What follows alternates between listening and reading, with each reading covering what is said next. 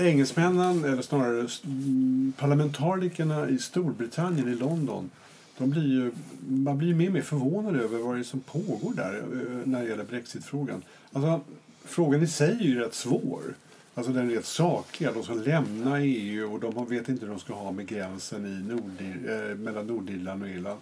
Det är en sak. Det är komplicerade sakförhållanden. Plus att komma överens med EU som man ändå vill ha lite band med för de ska inte bli helt isolerade.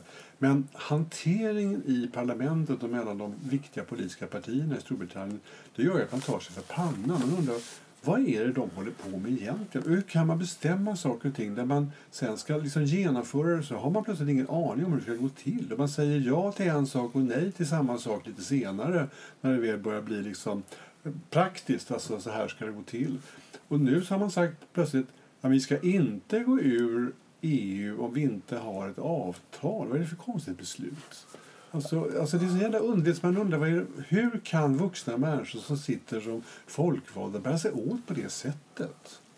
Det är ju jättekonstigt. Alltså, jag tror, om man nu får använda och lufta sina fördomar, så, så tror jag att det här är en del av säga, den brittiska charmen. Alltså, de förleder sig själva till att leken, humorn, utmaningen, minnena från debattklubben på Oxford. Alla de sakerna tar ibland överhand. Och som jag såg på Twitter eh, vi behöver egentligen inga såpoperor vi kan, vi kan köra brittiska parlamentet i realtid på tv så får vi både humor och spänning. Och, och, alltså det ligger någonting i det att man låter man blir så bergtagen av sina ord och sin process så att en, en kvick formulering är viktigare än landets framtid får man ibland en, en känsla av. Men skulle, skulle det innebära att det brittiska parlamentet och det politiska systemet har burit på de här egenskaperna hela tiden? Det är bara att vi har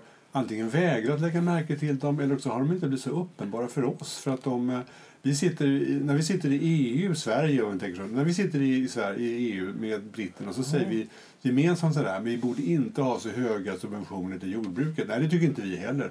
Och då tycker vi att britterna verkar ungefär som svenskar. Man tänker klokt och rationellt och, och, och röstar för liksom någonting som verkar vara en vettig linje och de är alltid våra kompisar i de flesta frågor eller i EU. Så vi, inte, vi har liksom inte det här som du beskriver, att det, då inte, det har vi inte liksom tänkt på. på något sätt. Alltså vårt parlament och de flesta andra parlament i Europa är ju ska säga, inom citationstecken seriösa. In till, in till tråkighetens gräns. Va?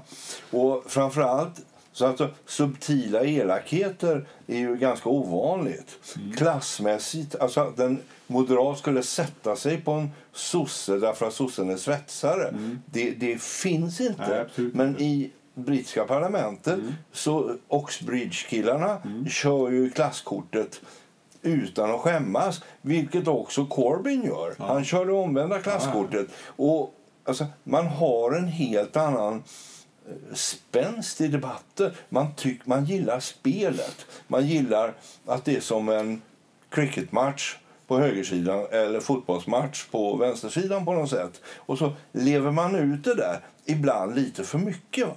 Alltså... Ja, men, ja, men jag förstår vad du menar. För det är klart att Ibland ser man då i andra, andra situationer i England så ser man de här närbilderna på parlamentet. Då stirrar vi på det där konstiga att de buar till varandra. De, de sitter jättenära varandra som en sorts eh, underklass bara sådär på de här bänkarna och tittar på varandra. De verkar inte ha några arbetsbord och inga papper med sig utan alla bara sitter och viftar och babblar i mun på varandra. Och så tänker vi, hur, hur gör de när de går till beslut och sådär? Vi förstår inte riktigt det där. Men vi, vi hänförs lite av det för det ser lite kul ut. Det är ju faktiskt sant. Men, men, men nu har det liksom tagit en vändning i viktiga frågor som vi verkligen börjar undra över. Hur är det där egentligen? Men alltså kommer man tillbaka till den här gamla eh, roliga eh, serien eh, Eh, God morgon, herr minister. Ja, ja, hette. Jag vet. Ja, vad är Utrikesdepartementets viktigaste uppgift? Ja, det är ju att liksom överhuvudtaget inte ha med utlandet att göra på något sätt. Va? Ja. Don't go eh, native och alla de här grejerna. Alltså, det finns, och det ligger väl lite som en viktig bakgrund till hela Brexit. Att man definierar sig i Storbritannien och framförallt i England som annorlunda. En stor, viktig anledning till hela brexitprocessen är ju att många engelsmän tycker att det är lite, det är lite nästan lite skämmigt att vara på nivå med minor powers som Tyskland och Frankrike. För att säga Polen. För att inte säga Polen, ja. Nej, och, och, och, det, där, det där tror jag är en mycket viktigare bakgrund, den kulturella bakgrunden till Brexit än, än vi svenskar kan förstå. Mm. Som är ibland lite överrationellt ingenjörsmässiga även när det gäller uh, samhällsfrågor. Men om man, om man tänker på uh, Englands, Storbritanniens liksom, uh, historia sådär 300-400 år tillbaka så är det ändå så att det är ett land som har dominerat världen och det gör man inte utan en ganska rejäl postrationalitet. Det måste finnas fartyg och det måste finnas eh, trupp för att försvara tagna landområden. Det måste administreras, det måste förses med förnödenheter. Det är massa sådana saker. Så vi är så glada över att vi hade en Axel Oxenstierna som liksom ordnade med den svenska administrationen. Engelsmännen måste ha haft massor med välorganiserad administration i sin historia. Absolut. Och sen har de en tillgång som, som vi, de har en absolut rationalitet. Va? De gör nulägesanalyser totalt utan romantik. De genomför beslut totalt utan ska vi säga, någon form av... Alltså, om man tittar, tittar på, på en sån enkel sak som försvarsmaterial materiell, så ser man ju det att engelsk försvarsmateriel är ju alltid ful. Mm. Den är ju aldrig lite småfräck som amerikansk eller tysk. Va? Och det beror på de är totalt rationella. Nej, vi, det, och det där är någonting som de har i sig. If it works, don't fix it. Mm. De, en enorm friktion som vi har i vår statsapparat. Nämligen att alla måste liksom rättfärdiggöra sitt arbete genom att hitta på en ny dum eh, åtgärd, lag, reglemente varje år för att visa att man har gjort något. finns inte i England. De är jättenöjda med att sitta på sitt kontor. Det funkar, jag behöver inte göra något, färdigt arbete. Och där, så jag tror att de, de har en underliggande total effektivitet. Jag kommer ihåg när jag satt i styrelsen i ett engelskt företag. Alltså en gång om året så gjorde vi något sånt där som vi svenskar tycker är jättefånigt. Ja, vi hade en jättestor tavla med alla eh, eh tjänstemän eh, som hade eh, alltså, tjänstemän med, med eget eh, ska vi säga, ansvar över någon mm. fråga. Mm. Och så varje år så hade vi två övningar. Det ena var om alla de här är på ett flygplan och dör, vem ska göra vems jobb? Ja, mm. Så man hade en plan B. Mm. För eh, alla som kolade hade någon som skulle in och ta hans jobb om de kolade. Mm. Och det andra var, vi hade motsvarande tavla och så hade vi tre färger. Rött, gult och blått. Och så mm. diskuterade vi alla individer. Mm. Och satte vi en röd, en gul och en blå prick på honom. Ah. Och blå skulle befordras. Mm. Gul fick vara kvar med frågetecken och röda skulle ut under ah. nästa ah. verksamhetsår.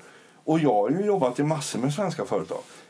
Men jag har ju aldrig, eller och norska och franska. Men jag har aldrig varit i närheten av den obarmhärtiga rationalitet Nej. med vilken vi hanterar de här frågorna. Och jag tror faktiskt de gör så hela vägen i mm. statsapparaten, i företagen, i försvaret. Det är en apparatkultur som vi har svårt att riktigt uh, förstå. Jag tror den är ganska effektiv. Sen kan, kan inte låta bli, när du berättar här, kan inte låta bli att komma att tänka på den här egendomliga Monty Python-sketchen. Eh, Ministeriet för konstiga gångarter. Ja. en riktig höjdare i Monty Pythons historia. Ja. Jag inser att den där har också, den speglar förmodligen någonting ytterligare av det engelska sättet att administrera som vi kanske inte riktigt förstår vidden av. Den är ju fruktansvärt kul utförd. Men förmodligen är det så att den, är, den driver med någonting annat ytterligare. Alltså en, någon, något lager när det gäller eh, brittisk administration som vi inte riktigt uh, får grepp om i Sverige på något sätt. Ja, alltså, jag, tror det, jag tror du har helt rätt där. Att det finns i det här att if it works, don't fix it, ja. så finns det naturligtvis ett antal verksamheter Precis. som bara tuggar runt. Visst. Och, och, och Silly Walks är en sån där verksamhet i civil service som bara tuggar runt. Och ja. ingen bryr sig, utan de får hålla på.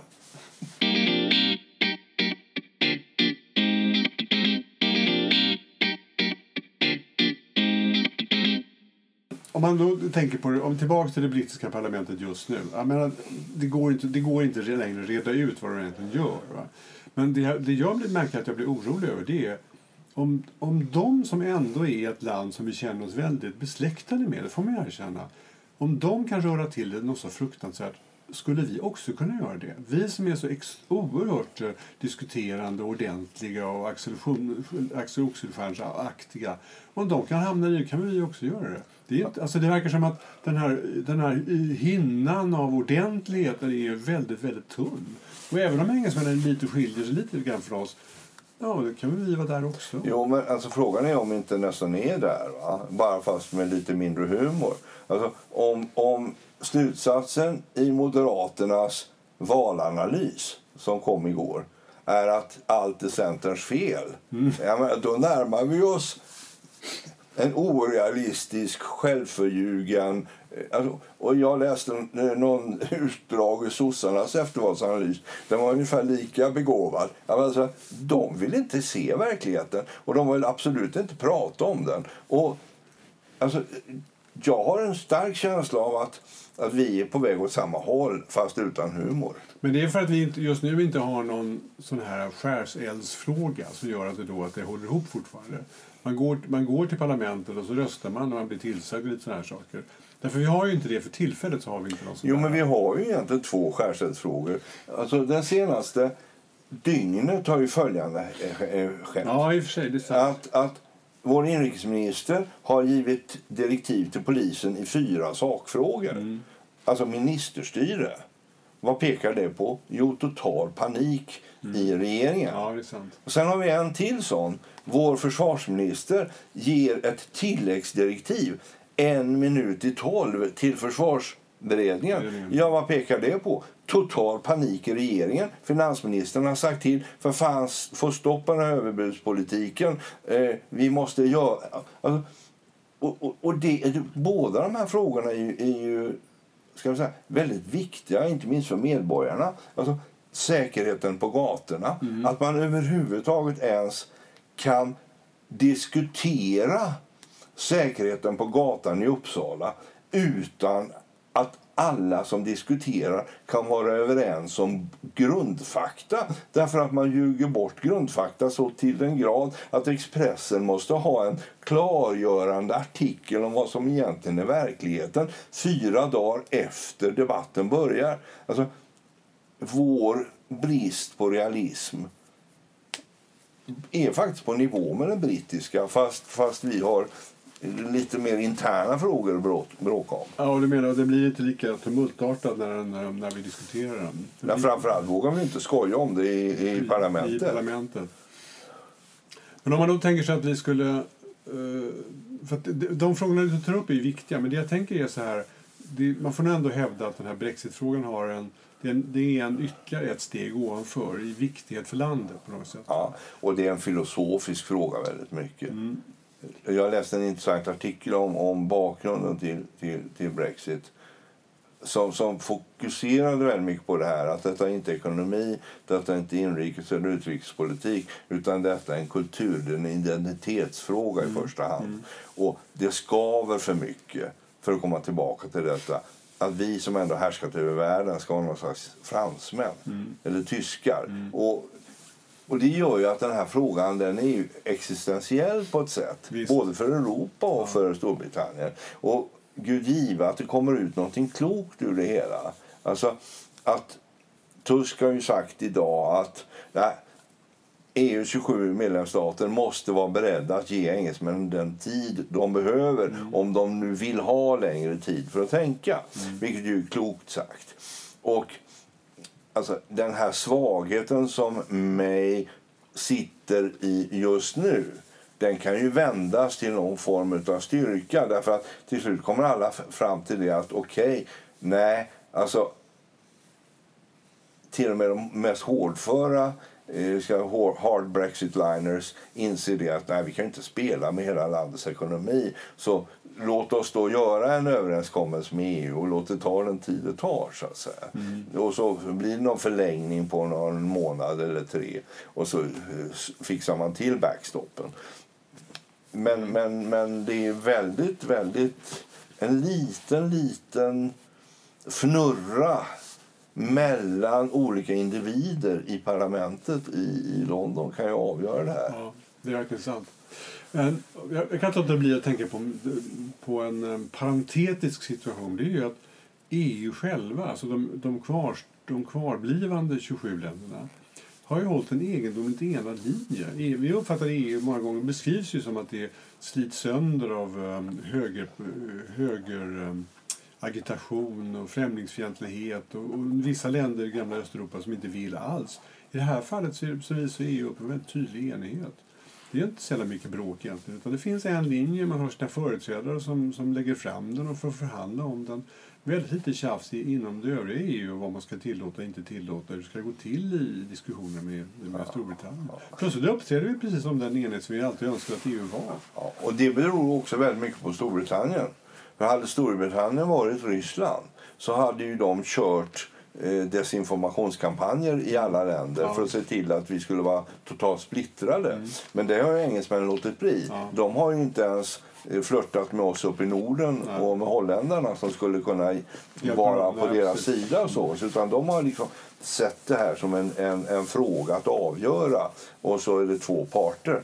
Och det, det ska de ju ha heder av. För mm. att sant. Man, man, nu, nu kommer det ju, senaste veckan har det ju dykt upp en del splittring i, i EU utöver den gamla vanliga öst-väst-splittringen. Och det är ju det att Macron gick ut rätt hårt ja. med sitt brev till, till Europas befolkning. Mm. Och nu har ju den tillträdande kanslern i, i Tyskland svarat. Mm.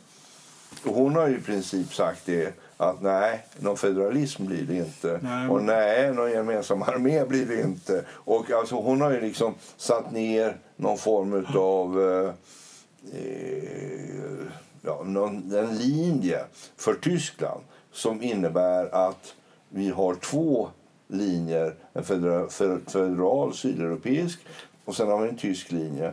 Och Ja, men de måste lösa det där. Det där Macron gick för långt.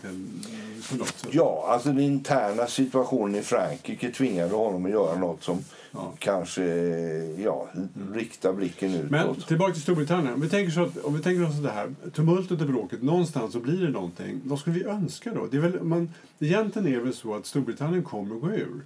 Och då undrar jag, hur skulle man då kunna tänka sig att det blir? Därför att om man tänker sig på hur vi lever med Norge så skulle det kunna vara fullt möjligt tycker jag. Vi, lever ju, vi, alltså vi i Sverige lever ju väldigt tätt med Norge. Och, men de är ju ändå så att de är en del av EU i det mesta. Om Storbritannien liksom avlägsnar sig från EU till norsk position då skulle det hela kunna vara ganska vettigt och rimligt. Men det finns väl ett dilemma är att, att det Norge har skrivit på är att de faktiskt godtar våra immigrationsöverenskommelser eh, tror jag. Det är väl det Storbritannien absolut inte vill göra. Så då alltså, undrar ju fan ska, hur men, ska men där får, kan man ju också lägga märke till att det problemet är ju, är ju mindre i och med att England inte har varit med i, i Schengen från början. Va? Ja. Så, så blir det inte, om de skulle göra en norsk lösning med bibehållen, bibehållen gränskontroll som de har haft hela tiden. Mm. Men kanske till och med utökad gränskontroll så skulle det bli en, mycket uthärdlig situation. Va? För då skulle vi kunna ha ett gott samarbete med britterna eh, geopolitiskt, försvarspolitiskt och, och ekonomiskt. För norrmännen, de är ju bäst i klassen när det gäller att följa EUs mm, regler och sådana saker. Utan att med, ja, ja. Så, att, så att det, det vore ju en nådas lilla bedja om att man får en norsk eller kan, kanske kanadensisk situation. För båda de även om den norska är något bättre, är ju uthärdliga. Ja, därför att om man tänker sig Irlandsproblemet som då är problem med den gränsen så tänker vi oss, ja, men vi, vi utgör ju egentligen en EU-gräns i förhållande till Norge. Och vi har ju aldrig problem att passera den fram och tillbaka. Den är ju, verkar ju väldigt öppen och förhållandevis enkel att hantera. Ja. Och kan man göra en sån gräns i Irland, det vill säga att den gränsen är som den är nu. Alltså man åker fram, man kan bo i en, ena delen av Irland och så jobbar man på Nordirland eller tvärtom så, så skulle, det, hända, skulle det kunna vara ganska uthärdligt. Ja, alltså, och det, det var jag inne i en diskussion om. Eh, och då var det någon som med en, en fas eh, förklarade det att, att det här med att, att det överhuvudtaget finns en tull. Norrmän har ju faktiskt en fungerande tull. Ja. Eh, är mot det irländska folkets önskan. Utan irländarna ska kunna åka fram och tillbaka utan att ens behöva riskera att träffa en brittisk tullare. så att säga. Och, och, eh, och det där är en mer emotionell grej än, än, än eh, praktisk, antar jag. För jag menar, norsk-svenska gränsen är ju i princip öppen. Va? Men, men eh, minnena från, från, från The Troubles Ja, är ju väldigt... Så det är svårt för en som inte har varit in the troubles att, att kanske förstå symboliken här. Men nu verkar det, verkar det bli så att det viktigaste är ju att man får en juridiskt bindande möjlighet för England att eh, göra eh, ett stopp i, i, i the backstop. Och eh, problemet där är väl det att, att eh, eh Irländska republiken vill inte ens riskera teoretiskt att det ska kunna uppstå en ny gräns där. Men, nej, men jag tror det är riktigt. Men tror inte du att det är... Att det, om man tänker sig att man tar det norska avtalet och sätter det i Storbritannien. Mm. Blir inte invandring det, det, den svåra nöten för dem att knäcka? Därför Norge har ju ändå godtar på något sätt våra... Den Fria rörligheten. Ja, visst. Ja. Och det är väl det Ja. skulle bli dilemma för, Ja, för, för Absolut. Jag, jag tror att, att vi har inte fri rörlighet med Kanada så därför blir den Mm. kanadensiska modellen eh, mer sannolik. Men, men eh, problemet är ju också det, om man nu tömmer alla engelska sjukhus på polska sjuksköterskor Ja, då, alltså, en National Health Service, du vet inte tusan om de ens kan fungera. Så att, så att ja. Mm. Men, men rent emotionellt så tror jag inte England kommer att gå med på eh, fri rörlighet. Det, där tror jag det är den stora psykologiska spärren. Ja.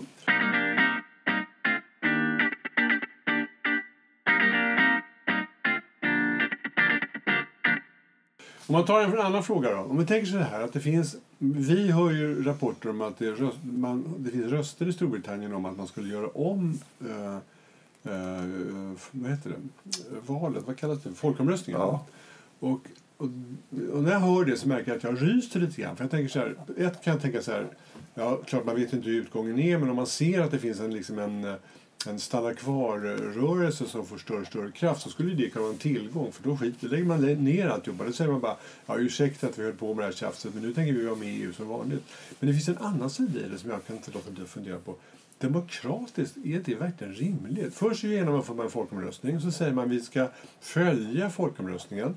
Och sen så när det visar sig så jävla krångligt, då gör man en ny folkomröstning i hopp om att den ska gå emot den första. Och så säger man att vi gör så här istället.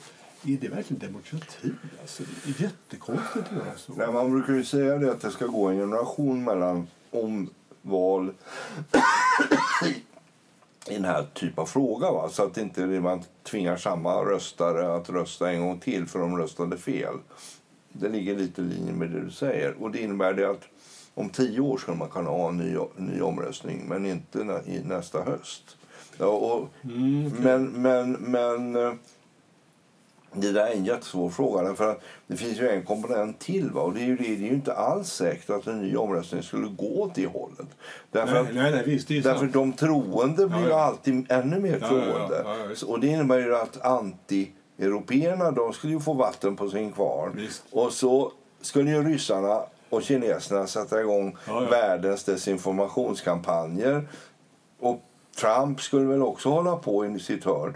Alltså, det. Nej, det det skulle kunna gå precis hur Nej, men det är som riktigt. helst. Rent alltså. taktiskt kan det vara helt, helt fel att göra det. Men, men jag tänkte demokratiskt filosofiskt med mer, så var det så jag tänkte bara.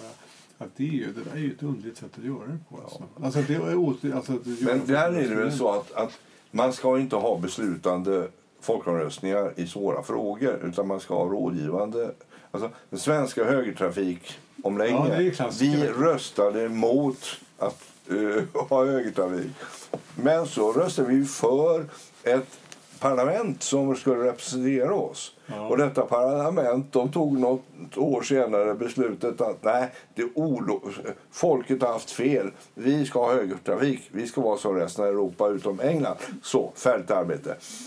Men sen genomför de med ett stor succé så genomför de någonting som folket har sagt nej till. Det är också en väldigt egendomlig politisk process. Ja, därför då samlas ju alla vi Oxenstierns uppfostrade eh, människor mm. under fanorna och ska göra det så bra som möjligt. Ja. Det är inte alls säkert att det hade gått lika bra idag. Idag hade det så, kanske suttit gul, gula västar i, ja. i, i rondellerna och, och, och bråkat och sådär. För, för vi var ju, när det genomfördes Ja, det var ett homogent lydigt folk. Med, med, ja. med, och sen hade vi en entusiastisk, lite osvensk eh, general som skötte det hela. Han var ja, kompis med morbror Erik och de var sådär eh, liksom... Ja, man var en sorts Lennart Hyland ja, precis. i Oxenstierna-format. Ja, precis. Tvekar om det skulle kunna funka idag. Nej, men, men Men det är ett bra sätt i alla fall att hantera när folket röstar fel. Mm, precis. Det, och det, och egentligen, om jag, jag tror att det är så i Storbritannien att den är rådgivande. Det gör att Cameron skulle ju kunna, om han hade manövrerat skickligt så skulle han kunna sagt här, det här är ett hälften-hälften-utslag. Mm. Det gör att vi naturligtvis inte sätter igång och rådbråkar vårt land utan vi stannar kvar. Men han hade ju absolut, i och med det att han hade spelat förlorat, ja så hade han absolut ingen say. Han, var ju, han var ju lika död som Reinfeldt var när han sa att nej, nu avgår jag. Ja. Eh, alltså, ingen lyssnar på en sån människa Nej. någonsin senare. Och det märker vi på Reinfeldt, vilket helvete att han har att försöka återkomma i den offentliga debatten. Mm. Men alla ser bara honom som en loser. Mm. Och det är, alltså, ingen lyssnar på Nej, men det är Cameron, där hade Cameron, han, det, egentligen var det så att han hade ett eget parti som faktiskt inte fungerade. Alltså ja. det, det, det, fungerade inte, det gick emot honom helt enkelt. Ja, han spelade på sitt eget parti och förlorade land och rike och hela faderullan. Och det är väl en av världshistoriens absolut största eh, ska säga, politiska missbedömningar att ha det valet. Ja. Ja, mm, det vet inte jag riktigt. Därför att, därför att hur, det måste ha varit ett helvete inne i partiet. Alltså vad ska man göra? Om man sitter som partiledare och, eh, och ser att det finns Boris Johnsonar överallt som håller på och brökar och knånglar.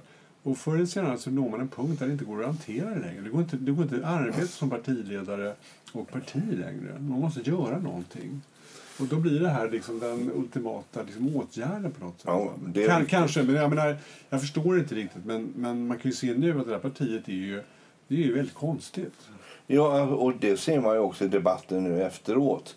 Alltså, det finns ett antal public school-pojkar mm. som tycker att det här är kul. Ja, ja. Och de är ju då så in i helvete rika mm. så det spelar ingen roll om det finns ett Europa eller, eller England för dem. De kan ju flytta till Nya Zeeland eller gängen och leva som miljardärer. Alltså, det, det, alltså Rees Mogg till exempel är ju en knepig människa eh, att det är svårt att förstå vad som driver honom. Mm. Eh, varför ska han hålla på och bråka om det här? Men, men, men, alla har ju sina bevekelsegrunder. Ja, men jag förstår vad du menar. De, de, har, de, har egentligen, de, flyt, de, de, de är i ballonger så högt ovanför sitt eget land så att de behöver liksom inte bry sig och gör inte heller. Nej, för de bryr sig om romantik. Ja. De har läst Churchill, mm. som Boris Johnson som har eh, Churchill-komplex mm. eh, och inte har något krig att gå ut i. Och, och, och, de har en elittänkande från, från public school och från mm. Oxbridge som gör att de, ja men vi är ju de människorna som betyder något här i världen. Mm. Och, och, varför ska vi ha med Europa att göra och, och sådär. Alltså det, det, det finns en charmig men totalt världsfrånvänd mm. sida av det här som är lite svåranalyserad. Antropologer kan säkert eh, förstå det om tio år, men jag kan det inte. Men ska vi ägna en sista minut åt att hoppas något då? Jag ska ändå hoppas.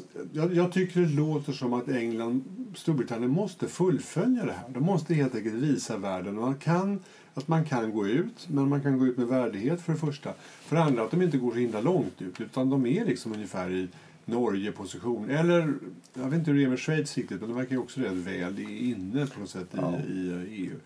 Det vill säga, inte för att de till varje pris ska visa andra att man kan göra det, utan snarare för att visa att, att det är nog rätt bra med EU. Vi tänker inte klippa banden, utan vi behöver avlägsna oss en aning och sen tänker vi behålla rätt mycket av, uh, av banden. Och inte minst för Sveriges del så vore det rätt bra.